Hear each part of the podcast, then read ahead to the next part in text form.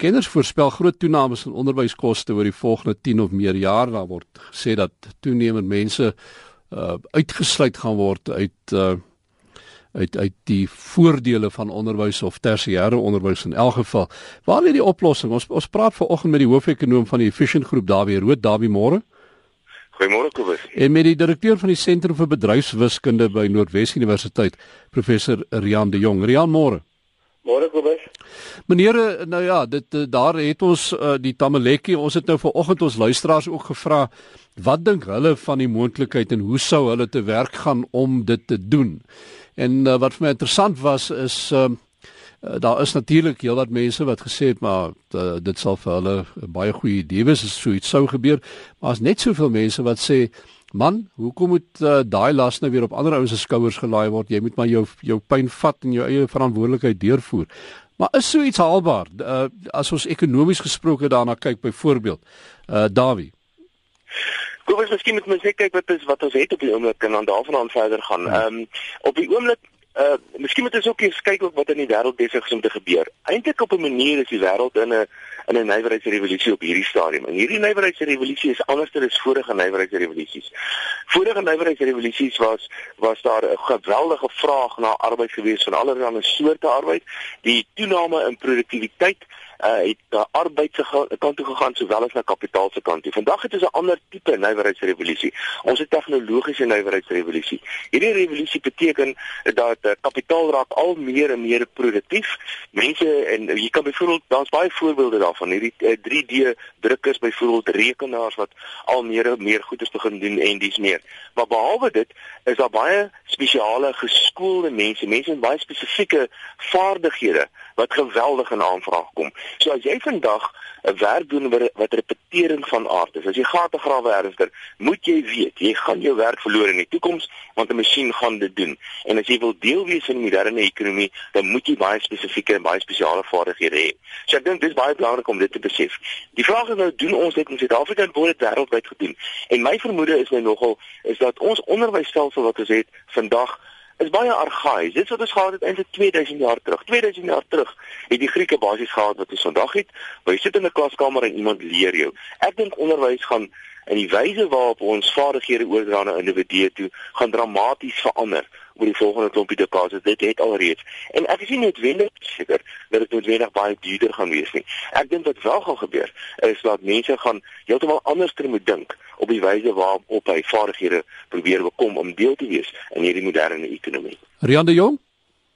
Uh, ja, die vraag is um, gaan um, verniet um, uh, onderwys haalbaar wees in die toekoms as ek nou reg verstaan het. Hmm. Ek stem baie saam met saam met Dawie dat die onderwyslandskap besig is om te verander.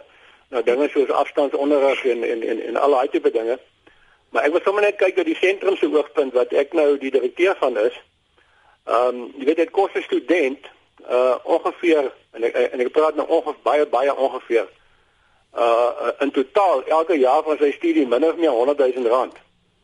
So as hy sê maar vir 5 jaar studeer, dan kos dit hom ongeveer 500 000 rand. Um en um ek ek ek praat nou van klasgelde, behuising, kos, kos sakgeld, boeke, al sulke dinge.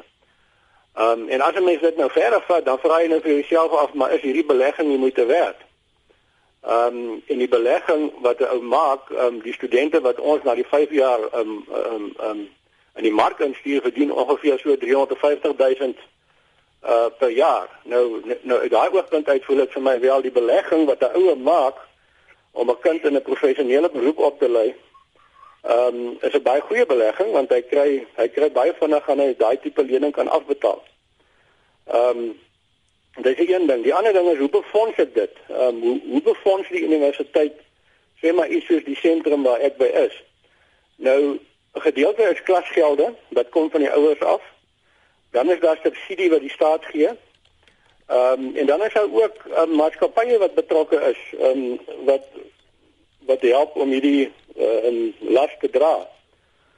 Nou as ek nou moet sê dat die klasgelde verdwyn, met ander woorde die staat gaan daarvoor instaan en ek sê dat die uh deel wat die industrie vir my verskaf verdwyn ook en die staat moet dan vir alles voorsiening maak dan vermoed ek die universiteitse begroting ag die staatsbegroting gaan tussen 50 en 100% moet opgaan. Nou dis 'n baie rowwe hmm. rowwe skatting, maar ehm um, ek weet nie of so iets haalbaar is uh, hoe genaamd nie. Dawie? Ja, kom ons ek kan sommer alklaar noem wat is die syfers nou. Die staat uh, die onderwys is by verre die grootste uit, enkele uitgawe item vir die staat. Dit is meer as 20% van totale staatsbesteding. Ehm um, en uh, Suid-Afrika spandeer baie op onderwys. Ek praat nou van alles, al die vlakke van onderwys in vergelyking met die meeste ander lande in die wêreld. En uh, die realiteit is en dit is natuurlik ook nie altyd so nie, maar die realiteit is oor die algemeen Suid-Afrika se onderwys kwaliteit swak en baie keer is dit die swakste in die wêreld.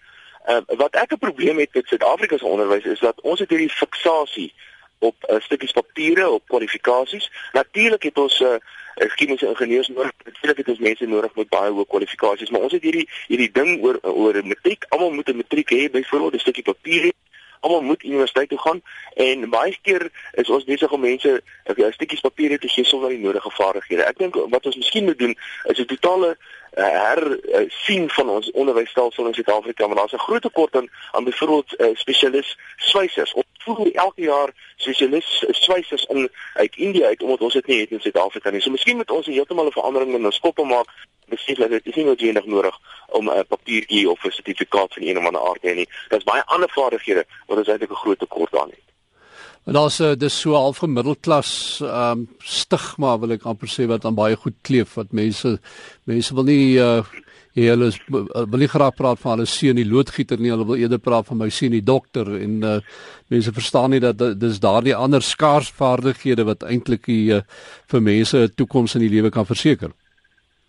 Uh, kom ons sê dit aan uh, miskien verder daarbey uh, aan byvoeg en dit is dat ek het so rukkie terug het op die navorsing gedoen oor beroepe soos byvoorbeeld spesifiek het gekyk na mense wat loodgieters is. En dan kan jy die versekering gee dit is van die beroepe van die mense wat die suksesvolste is in die land. En 'n loodgieter vandag wat weet wat hy doen en gebruik dit maar net as 'n voorbeeld is nie 'n persoon wat noodwendig die werk gaan doen die hande werk gaan doen hy doen dit natuurlik hy weet hoe dit werk maar dit is niks dit is eintlik iemand wat 'n wat 'n besigheidspersoon is. Dit is 'n persoon hmm. wat 'n besigheidsbestuur is 'n persoon met 'n klomp mense wat vir hom werk en eh, die van die gevalle wat ek nog gekyk gekyk het is mense wat besonder suksesvol is. En uh, ons het jy's heeltemal korrek om die een of ander rede kyk ons meer en ons sien meer op sekere beroepe uh, in die land en en baie keer is dit reeds die beroepe waar ons 'n geweldige groot tekort in het. Rian, uh, jy het nou verwys daar as 'n afstand onderrig geswaan en dat daar al hoe meer na hierdie goed gekyk moet word. Dawie dink ek het, het ook aan haar verwys. Ehm um, is is dit die langtermyn toekoms dink jy dat 'n mens uh, daar's in die verlede nou onlangs gesê dat uh die kampus soos ons dit ken die fisiese kampus kan in 'n groot mate begin verdwyn uh dat mense baie meer waar hulle woon selfs net uh gesetel gaan wees en dan van daar af sal studeer uh of selfs uitelik kantore uit of wat ook al Kyk, kyk, meeste universiteite op die oomblik uh, kyk na hierdie um, afstandsonderrig of sogenaamde blended learning modelle. Ehm um, en ek dink dis een van die maniere om uh, ten minste in tyd te bly met die tegnologieveranderinge. Wie die wêreld is 'n uh, soos hulle sê 'n global village en uh, Suid-Afrika moet dit pret hê daarmee. Ek wil net so vinnig 'n suidelingse opmerking maak. Ek dink Dawie uh, is miskien in 'n mate reg wat die skole betref en die onderriggehalte as jy nou glo uh, nasionaal kyk. Maar ek dink ja, daar is daar is universiteite wat nog steeds gehalte onderrig kan lewer, maar natuurlik kos dit baie geld. Maar afstandsonderrig is definitief 'n rigting om te gaan. Meeste universiteite het strategiese planne daarvoor, samewerking oor inkomste met ander universiteite uh um, globaal. En ehm um, ek ek dink dit is 'n uh, dis 'n belangrike pad om te gaan. 'n Ander ding wat natuurlik kan help met ehm um, befondsing van ehm um, studente by universiteite of ander ander tersiêre instellings is dat die industrie meer betrokke raak. Uh, as iemand soos Dawie nou uh, meer besig gee vir, vir studente by by universiteite en so aan en, en en ek sien veral die nood by eerstejaars studente, tweedejaars en derdejaars studente. Dit het baie te doen met um, minder bevoorregte studente en daai studente um, die staat doen hulle deel met NSFAS en sulke goed maar die industrie ehm um, se se se se se um, se ondersteuning is van ontsettende belang om ook beurse te verskaf vir studente veral in hulle eerste, tweede en derde jaar. Industrie is baie geneig om te kom as gevolg van transformasie druk en hierso in die vierde en die vyfde jaar. Te sê maar okay, ek wil nou eers 'n gee vir iemand wat homself bewys het. Maar die uiterlike nood is hier van eerste, tweede, derde jaar af en daar moet ek vir bakries en afsa en baie van die banke dankie sê dat hulle sulke tipe goedes doen en ek neem aan ook ehm um, plekke so Sasol vir die ingenieurswese en en en en en so. Ek ek wil terugkom by my oorspronklike vraag. Ehm um, gratis opleiding, gratis opvoeding. Daar is lande wat dit doen hè. Uh, ek verbeel my veral daar in die skandinawiese lande en elders is dit haalbaar hierso. Kan kan daar is daar 'n model wat kan werk vir so iets?